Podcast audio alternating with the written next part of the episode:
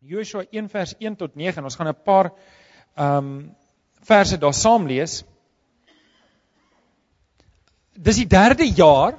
Dis die derde jaar wat ek en Alex Alex besef hier dis die derde keer wat ek en jy preek saam doen. En ehm um, julle moet verstaan dit maak my erg op my siene wees want jy moet die tyd die hele tyd dop hou want ek wil nou nie regtig preek tot volgende jaar toe nie want jy weet iemand anders moet ook nou nog preek nê en toe gaan kyk ek net oor wat het ons gepreek. Die eerste keer wat ek en hy saam gepreek het was 2013 en toe het ons gepraat oor Alex onthou jy nog Sadrak Mesach en Abednego oor um, die afgod wat hulle gebou het koning Nebukadneser en hy bou hierdie hoë ding en hy sê alright almal moet hierdie afgod aanbid. En hierdie drie ouens sê ah ah ons gaan nie. Sorry koning Hy roep hom, hulle hy roep die drie manne en sê ons ek gaan julle nou in die vuur oond gooi. Hier's julle laaste kans. Hy sê luister o groot koning, ons God het die mag om ons uit jou hande uit te red en het die mag om ons te red uit die vuur oond uit. Maar ons wil hê jy moet weet, o groot koning, al sou die Here ons nie red nie, sal ons nie buig nie. En uh, die punt van daai boodskap was gewees dat ons moet 2014 toe aanpak met hierdie houding dat die Here gee vir ons die guts om die moeilikste maar moeilikste omstandighede deur te gaan. En dalk is jy in moeilike omstandighede nou en 2015 was vir jou moeilike omstandighede, maar jy moet guts kry in die Here om te sê Here, dis wanneer ek deur moeilike omstandighede gaan, wanneer ander mense 'n voorbeeld het om te volg. Wanneer ek en jy in ons dier luxe Franse Peugeot 307 ry, en um, en ek het nooit probleme nie. Kan niemand regtig sien dat Christus eg is in my lewe nie. So ek en jy moet deur daai moeilike tye gaan. Dis hoe ons hierdie storie gekry het. Toe die jaar daarna het ons gepraat oor Moses laas jaar 2014. En ons kyk na Moses se spesiale roeping wat hy gehad het in die Here en vanaand vat ons hom een stapie verder en ons kyk na Joshua. En as ons by Joshua 1 kom, dan kom ons by Joshua 1 vanaf vers 1 tot 9 waar hy die volk moet lei deur die Jordaanrivier. En as jy jou Bybel hier het, kan jy saam met my lees vanaf vers 1. Lees ons na die dood van Moses, die dienaar van die Here, het die Here vir Joshua seun van Nun en assistent van Moses gesê: "Moses my dienaar is dood. Maak jou nou gereed en trek deur die Jordaanrivier, jy en hierdie hele volk. Gaan na die land toe wat ek aan ek aan hulle die Israeliete gee. Soos ek vir Moses gesê het, gee ek aan julle elke plek waar julle kom, van die woestyn af, van die Libanon af, aan die groot rivier, die Eufraat, die hele gebied van die Hittite tot aan die groot see in die weste. Alles sal julle woongebied wees. Vers 5. Solank julle lewe sal niemand bestand wees teen jou nie. Soos ek by Moses was, so sal ek by jou wees. Ek sal jou nie in die steek laat nie jou nie verlaat nie. Wees sterk, wees vasberade, want jy moet hierdie volk in 'n land die land in besit laat neem wat ek met 'n eed aan jou voorvaders beloof het. Wees veral sterk en vasberade in die uitvoering van die van die wet wat ek my dienaar Moses jou beveel het. Moet daarvan nie links of regs afwyk nie.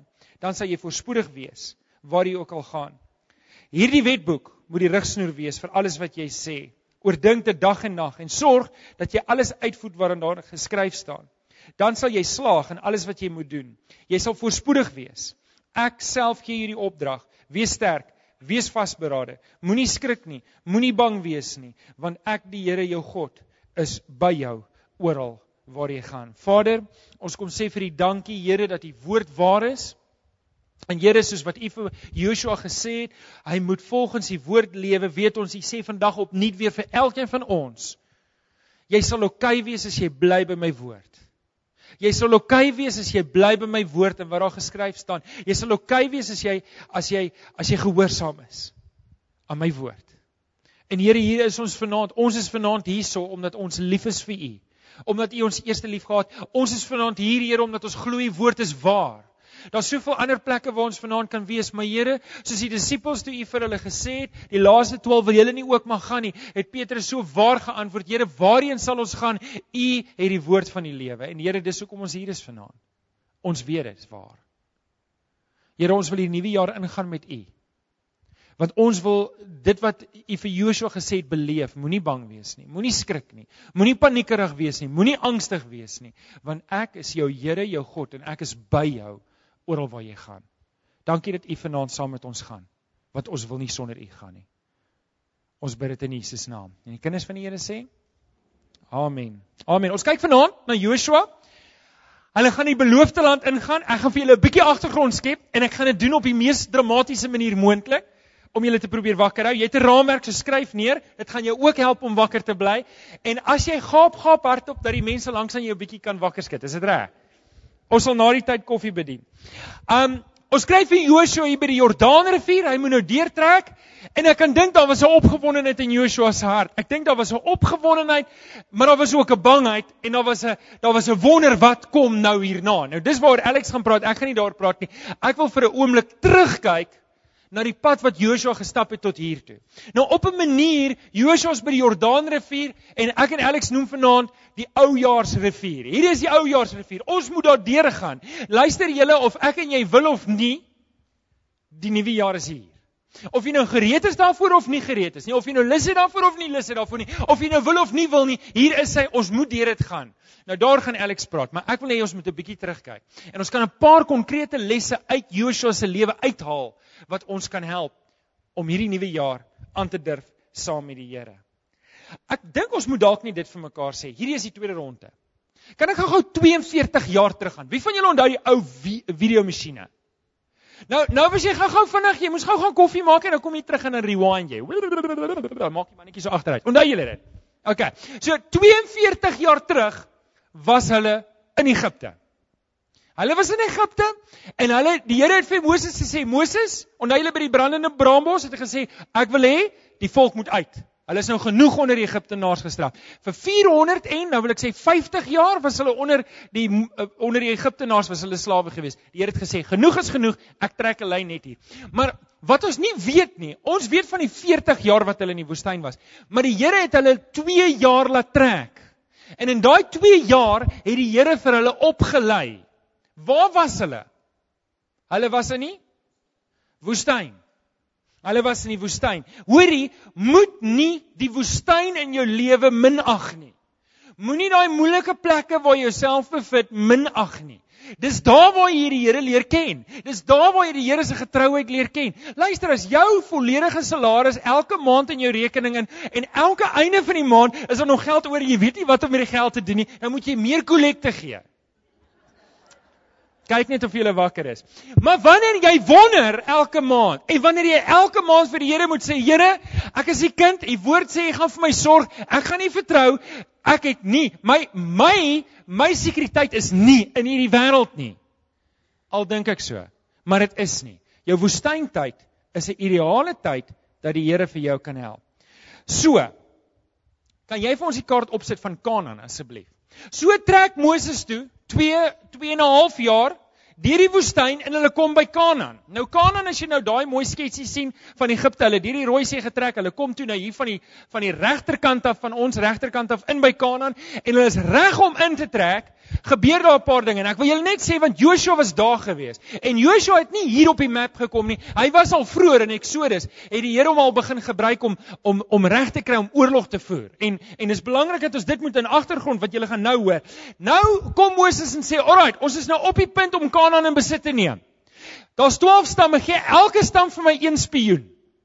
En hulle stuur die 12 spioene in. En hulle gaan verken die land en hulle kom terug. En Van die 12 spioene was Caleb en Joshua twee manne gewees van daai 12. Hulle kom toe terug en hulle kom toe en hulle sê: "Julle ouens, hierdie is 'n wonderlike land." Dit dis julle gaan nie glo wat ek vir julle sê nie. Ek gaan nou 'n bietjie oordryf. Is dit reg met julle? Maar die druiwekorrels is so groot soos tennisballe. Piesangs is so groot soos boarms van volwasse manne. Ek bedoel dit is 'n goeie land hierdie. Dis die land van melk en honing. Hierdie is die land waar ons wil bly. En almal is opgewonde oor die goedheid van hierdie land, maar maar 10 van die 12 manne begin toe half is 'n klein koppie trek. Ek weet nie eens wat dit beteken nie. Bangra, klein koppie trek. En sê toe, "Wow, eh, Joshua en Caleb, julle is julle is te opgewonde oor wat julle nou probeer beskryf. Ek ek wil vir julle vertel wat die ware situasie is." En hierdie 10 manne begin praat. Hulle sê, "Luister, hierdie manne is huge." Het jy al gevoel partykeer jou probleme is huge en jy kyk na die goed en dit is soos net buite jou verwysingsraamwerk en jy weet nie hoe gaan jy dit Dis hierdie 10 manne, hulle kyk na die situasie en sê hierdie manne is groot. Ons lyk so sprinkane. Dit staan in die Bybel, dit staan regtig daar, ons lyk so sprinkane. En uh, En maar Joshua en Caleb sê nou way, ons kan dit in besit neem. Dis ons land, ons moet dit vat. En en en en die 10 manne raak bietjie bang en hulle gaan tussen die volk en hulle versprei gerugte.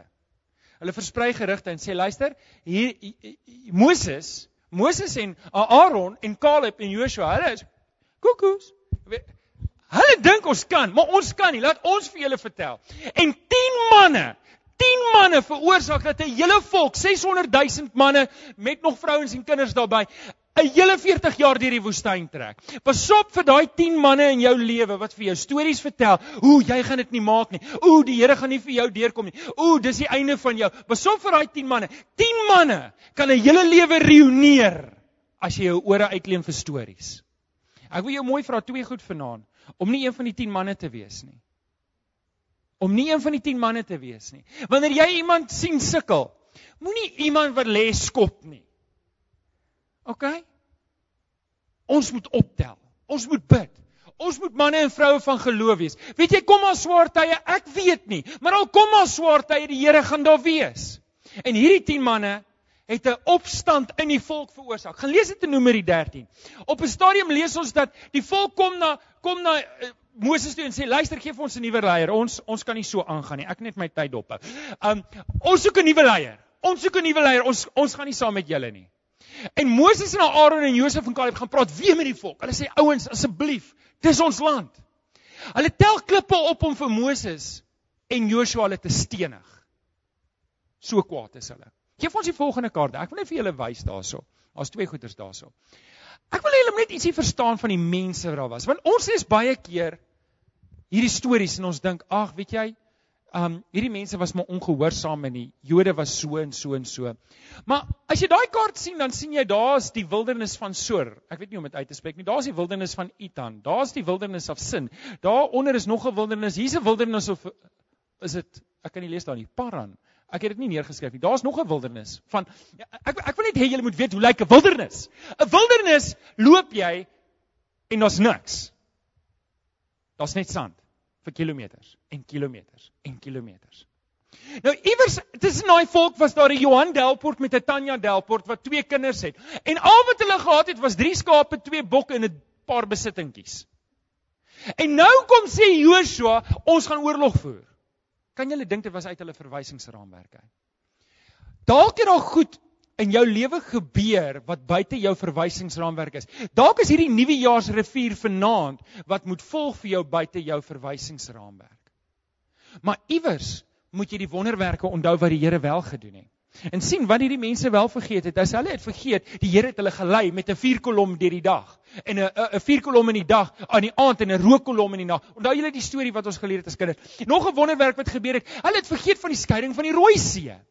As jy daai rooi see gesien skei, dan sê jy weet, maar hier's 'n God wat werk. Hulle het vergeet van die bitter water by Mara wat die Here weer laat soet word het. Hulle het vergeet van die rots waar die Here 'n 'n rots wat in die middel van nêrens staan waar die Here water uit vir hulle gegee het, lewende water. Hulle het vergeet van die kwartels wat die Here gestuur het. Hulle het vergeet van die manna. Hulle het vergeet van die oorwinning oor die Amalekiete. Jy moet dit gaan lees in die Bybel. Dis baie mooi stories. Dit sien as jy vanaand by die Nuwejaarsrivier is en jy vergeet die dinge wat die Here vir jou gedoen het, dan gaan jy bang wees. Dan gaan jy bang wees.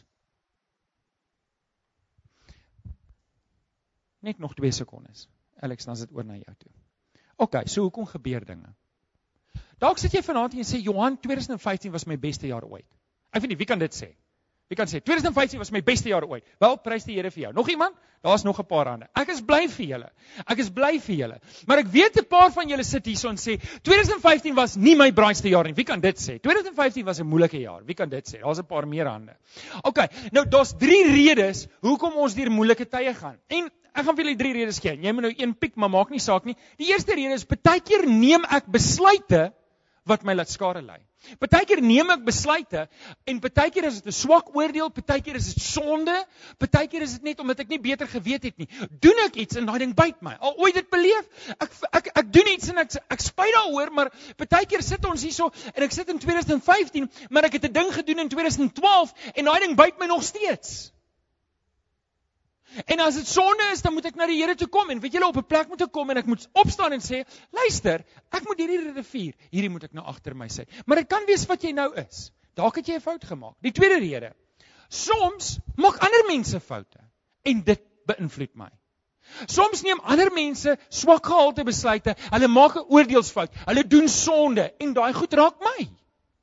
En dit kan wees dat jy vanaand hier sit en jy en jy daar's Joshua. Joshua, hulle was gehoorsaam aan die Here. Hulle was gehoorsaam. Hulle het vir die volk gesê, "Luister, ons moet trek." En die volk sê nee.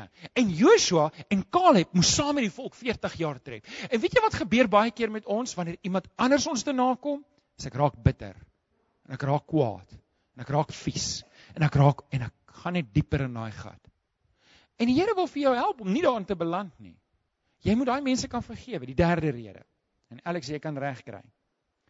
En dit is die sondigheid van hierdie wêreld. Baie keer gebeur dinge met jou. En weet jy, dis nie jou skuld nie en dis nie iemand anders se skuld nie. Dis net hoe dit gebeur het. Hierdie wêreld is sondig, die sondigheid van die wêreld het dit skade gedoen en dis hoekom baie keer gebeur dinge. Ek het so 'n vroutjie wat ek een keer in 3 weke loop ek haar raak en gesels. Ons praat nooit diep nie. Ons praat net Hoe gaan dit met jou? Goed met jou? Nee, goed. Gaan dit met die familie? Gaan goed, gaan goed, gaan goed. Is altyd net so. En weet julle, hierdie dag sê die vroutjie vir my, ek is geskok, sy sê vir my, "Johan, ek is gediagnoseer met kanker." En toe sit dit 6 skiet haar oë vol trane. En julle vir daai vrou is 2015 nie 'n goeie jaar nie. En dit sit dalk jy sit dalk hierso. En dalk het daar goed in jou lewe gebeur wat maak dat jy sê, "Ag, oh, hoe gaan ons deur hierdie ding kom?" Jy's by die oujaarsrivier. En vanaand wil die Here vir jou deurbraak gee. Dankie Alex. Amen. Amen. Here Jesus, dankie dat ons kan weet dat U met ons is.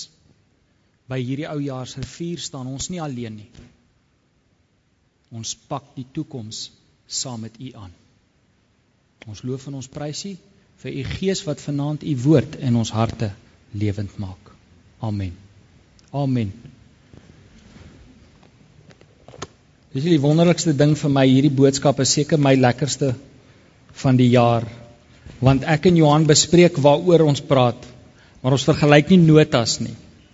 Ons kom nie voor die tyd bymekaar om seker te maak dat hoorie so jy preek nou nie my notas nie en ek gaan nie jou grappie vertel nie en so nê. En dit is my regtig wonderlik elke ou jaar om te sien hoe die Heilige Gees die twee boodskappe bymekaar bring. Joshua staan voor die Jordaanrivier. Hy is onlangs aangestel as die leier van Israel. Dis 'n groot verantwoordelikheid wat op sy skouers is en ons kan ons indink hoe hy moet voel. Hy het 3 miljoen mense waarvoor hy verantwoordelik is. Hy staan voor 'n rivier waar hy moet deur, soos Johan gesê het, hier moet hy deur. Hy kan nie vir die volk sê nee, hoorie, draai maar om. Hierdie uh, hierdie maak my senuweeagtig. Kom ons gaan terug woestyn toe nie. Hy moet deur hierdie rivier. Die Here beveel hom in daardie 9 verse wat ons gelees het. Sê die Here vir hom: "Gaan deur die rivier. Gaan verower die land wat ek beloof het ek vir julle sal gee." Joshua skat ek is op hierdie stadium miskien in sy laat 50s, vroeë 60s. Hy het al iets van die lewe beleef. Hy het al 'n paar teleurstellings gehad in sy lewe. En miskien is hy bietjie senuweeagtiger as wat hy dalk sou gewees het toe hy 20 was. Ek vind daar's dinge in my eie lewe nou op 43 wat ek meer versigtig oor is as toe ek 20 jaar oud was. En hier staan Joshua. En die beloofde land lê voor hom. Mens kan jou maar indink hoe hy moes gevoel het. Dat hy bang was is verseker. Joshua was bang. Die Here sê vir Joshua 3 keer in die eerste hoofstuk: Moenie vrees nie. Hou moed, wees dapper, wees sterk. Dis nie woorde wat jy vir iemand sê 3 keer na mekaar wat nie nodig het om dit te hoor nie. Joshua was bang en bang vir goeie redes. As 'n jong man het hy was hy een van die 12 spioene. Hy het teruggekom En hy het ook verslag gegee soos Johan gesê het oor die groot druiwe en die groot piesangtrosse. Die melk en heuning het hy van gepraat. Maar hy het ook die reuse gesien. En ek is seker as Josua wat hierso staan, sit en onthou hoe groot hulle was. En nou is dit sy verantwoordelikheid om die volkie deur te lei, nie Moses nie. Hy's nie 'n backup nie, dis hy wat die werk moet doen. Die Here doen 3 dinge. Hy gee vir Joshua instruksie: "Gaan, neem die land in besit. Ek het dit reeds vir julle gegee," sê die Here in Joshua 1. Tweedens gee die Here vir hom beloftes. Hy sê vir hom: "Ek het die land vir jou reeds gegee. Ek het julle dit beloof." En die Here sê vir hom vir my van die mooiste woorde in die Bybel: "Ek sal jou nie in die steek laat nie." Ek sal jou nie begewe of jou verlaat nie. Joshua, ek is hier. Ek is met jou. En derdens gee die Here vir Joshua 'n voorwaarde. In vers 8 sê die Here hierdie wetboek moet die rigsnoer wees vir alles wat jy sê. Oordink dit dag en nag en sorg dat jy alles uitvoer wat daarin geskryf staan. Dan sal jy slaag in wat jy moet doen. Jy sal voorspoedig wees. Nou ja, Joshua het gesien 12 spioene werk nie, hy stuur toe net 2 in. Ek dink hy het gereken oor die twee twee twee het met 'n goeie verslag voor en teruggekom. Kom ons stuur hierdie keer net twee in. En hy stuur twee spioene die land in. Ons weet wat gebeur.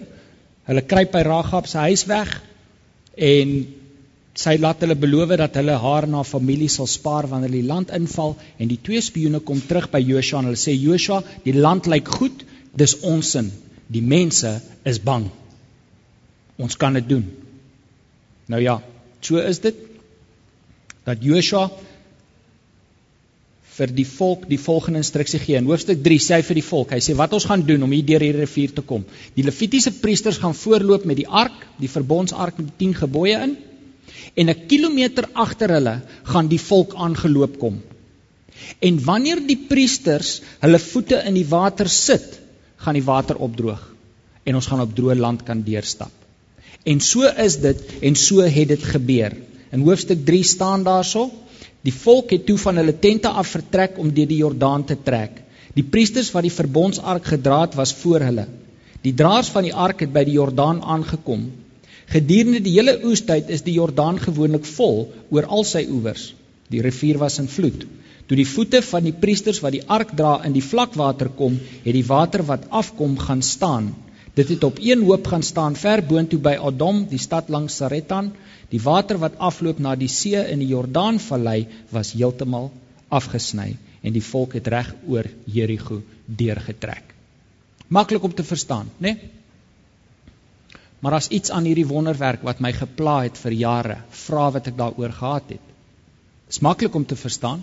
Toe die priester sy voet in die water sit, toe droog die rivier op, amper soos Moses wat met die volk deur die Rietsee trek, né? Nee? Wat my pla is dat die Jerigo rivier halfte so breed soos hierdie saal is. En daar's geen argeologiese rede om te dink hy was ooit breër nie. Dit was nog altyd 'n stroompie. Hy's so halfte so breed soos die saal. Hy's op sy diepste seker skouerdiepte. En wanneer hy in vloed is soos ons hier beskryf sien, is hy 'n kilometer en 'n half breed enkel diepte. Die Here het die rivier laat oopkloof maar dit was nie nodig nie. Die mense kon net deurstap. Hoekom het die Here dit gedoen? Hoekom het die Here 'n wonderwerk hier laat plaasvind wat vir alle praktiese doeleindes nie nodig was nie? God het vir sy volk herhaaldelik gesê: "Onthou, ek is die God wat julle uit Egipte bevry het. Onthou, ek is die God wat die Rietsee vir julle oopgekloof het. Onthou, ek is die God wat manna uit die hemel laat neerreën het vir julle." Onthou wat ek vir julle gedoen het. Ek kan dit weer doen. Hierdie volk wat saam met Joshua deur die rivier gaan, is nie dieselfde mense wat uit Egipte gekom het nie. Dis hulle kinders en kleinkinders. Die geslag wat uit Egipte gekom het, is dood. Die mense wat gesien het wat die Here kan doen, is dood. Hierdie volk wat saam met Joshua is, het nog net gehoor van die Here se wonderwerke. Hulle het dit nog nooit self beleef nie en ek glo in my hart, die Here het hierdie wonderwerk laat plaasvind sodat daardie volk wanneer hulle deur daardie rivier trek en hulle is in die beloofde land en daardie reëse kom voor hulle te staan, dan het hulle 'n geloofsanker om aan vas te hou. Ek het gesien wat die Here kan doen. Die Here gee vir hulle 'n wonderwerk. Dis genade wat die Here vir hulle gee. Hy sê, hoorie, ek gaan vir jou geloofsanker gee om aan vas te hou in die moeilike dae wat kom. En die Here doen dit. Hy droog die rivier op. Maar nog iets het my gepla van hierdie wonderwerk. Die Bybel sê daarso die water het op een hoop gaan staan by Adom. Nou Adom is 'n dorpie 30 km ver van waar die Israeliete deur die Jordaan is. Wat beteken toe die priester sy voet in die water sit, het die rivier net opgedroog. Hulle het nie die indrukwekkende deel van die wonderwerk gesien nie. Wie die rolprente 10 Commandments gesien, né, nee, jare terug. Toe die Israeliete deur die Rietsee gaan, toe gaan staan die water in die rolprent het dit gelyk soos 'n wolkekrabber wat hier langs hulle hierdie muurwater wat so staan. Baie indrukwekkend. Nou die Here het dit gedoen. Hy het dit net gedoen by Odom waar niemand dit kon sien nie.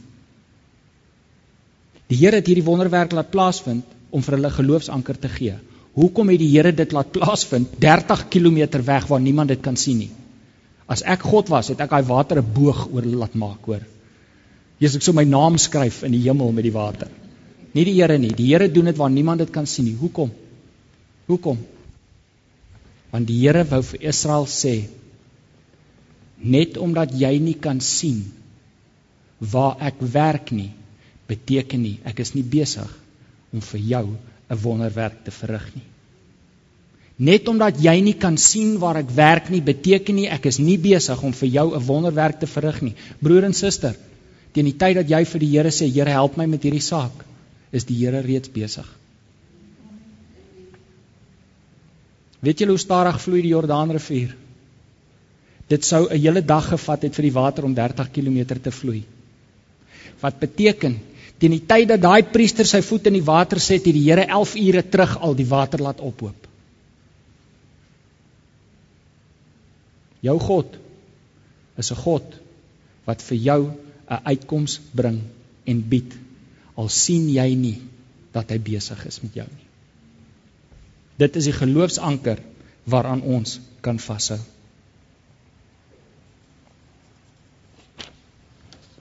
Prys die Here. Jordaan was die simboliese grens van die beloofde land. Middernag vanaand is die simboliese grens tussen 2015 en 2016. Ons as mense het nuwe begin nodig, gereeld. Is lekker om na 'n nuwe dorp toe te trek, jy kan oorbegin. Is lekker om 'n nuwe werk te begin. Jy kan jou loopbaan anders doen miskien as wat jy dit in die verlede gedoen het. Ons as mense het 'n nuwe begin nodig. En hier vanaand middernag, nuwe jaar, het ons 'n geleentheid om nuut te begin. Nes Israel gehad het toe hulle deur die Jordaan getrek het. Dalk behou 2016 vir ons melk en honing. Dalk is daar 'n paar reëse in 2016 wat ons gaan moet konfronteer. Jy het 'n geloofsanker om aan vas te hou. Wat het die Here vir jou gedoen in 2015, 2014, 2013 wat jy op kan terugkyk en sê daar het die Here vir my deurgekom? Elkeen van julle het so 'n blaadjie gekry. Haal hom gou uit vir my asseblief. As jy nie so 'n blaadjie het nie, steek gou jou hand op, ons sal vir jou eenetjie kry. Jy het so 'n blaadjie bo-aan staan. Die Here het vir my deurgekom en onderaan is die pragtige woorde van Joshua 1:5. Solank jy lewe sal niemand bestand wees teen jou nie. Soos ek by Moses was, so sal ek by jou wees. Ek sal jou nie nie steek laat nie. Ek sal jou nie verlaat nie. Vul hierdie in vir my. Ons gaan 'n oomblik gee nou as ek klaar gebid het. Vul hom in vir my.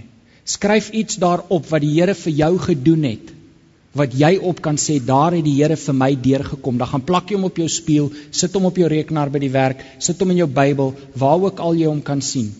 En wanneer daardie reëse dalk oor jou pad kom, dan sê jy kyk wat die Here vir my gedoen. Die Here het vir my die Jordaan laat opdroog. Die Here het vir my die Rietsee oopgekloof. Die Here het vir my manna uit die hemel laat neerreën. Die Here kan en gaan vir jou en vir my in 2016 'n weg maak waar daar geen weg blyk te wees nie. Jou God is getrou. Hy sal jou nie verlaat nie. Hy sal jou nie begewe nie. Hy sal jou nie nie steek laat nie. Soos hy met Moses was, soos hy met Joshua was, so is die Here met jou en met my in 2016. Amen. Amen. Amen. Kom ons bid. Here Jesus, dankie vir u liefde. Dankie vir u genade, Here. Dankie dat ons kan weet dat u 'n getroue God is. Dat U ons gedra het tot hier toe, Here, en dat U ons gaan dra van hier af vorentoe. En Here, hier waar ons die laaste paar sekondes van 2015 beleef, moet ons met ons hande in die lug bely dat U God is. Erken dat U die Here van die hemel en die aarde is en dat U die God is wat 'n weg maak waar ons as mense dalk nie 'n weg sien nie. Ons dra hierdie 2016 aan U op, Here. Ons loof en ons prys U vir die wondere wat U gaan doen in ons lewens en in die lewe van hierdie gemeente. U is almagtig. Ons loof en ons prys U. Amen. Amen.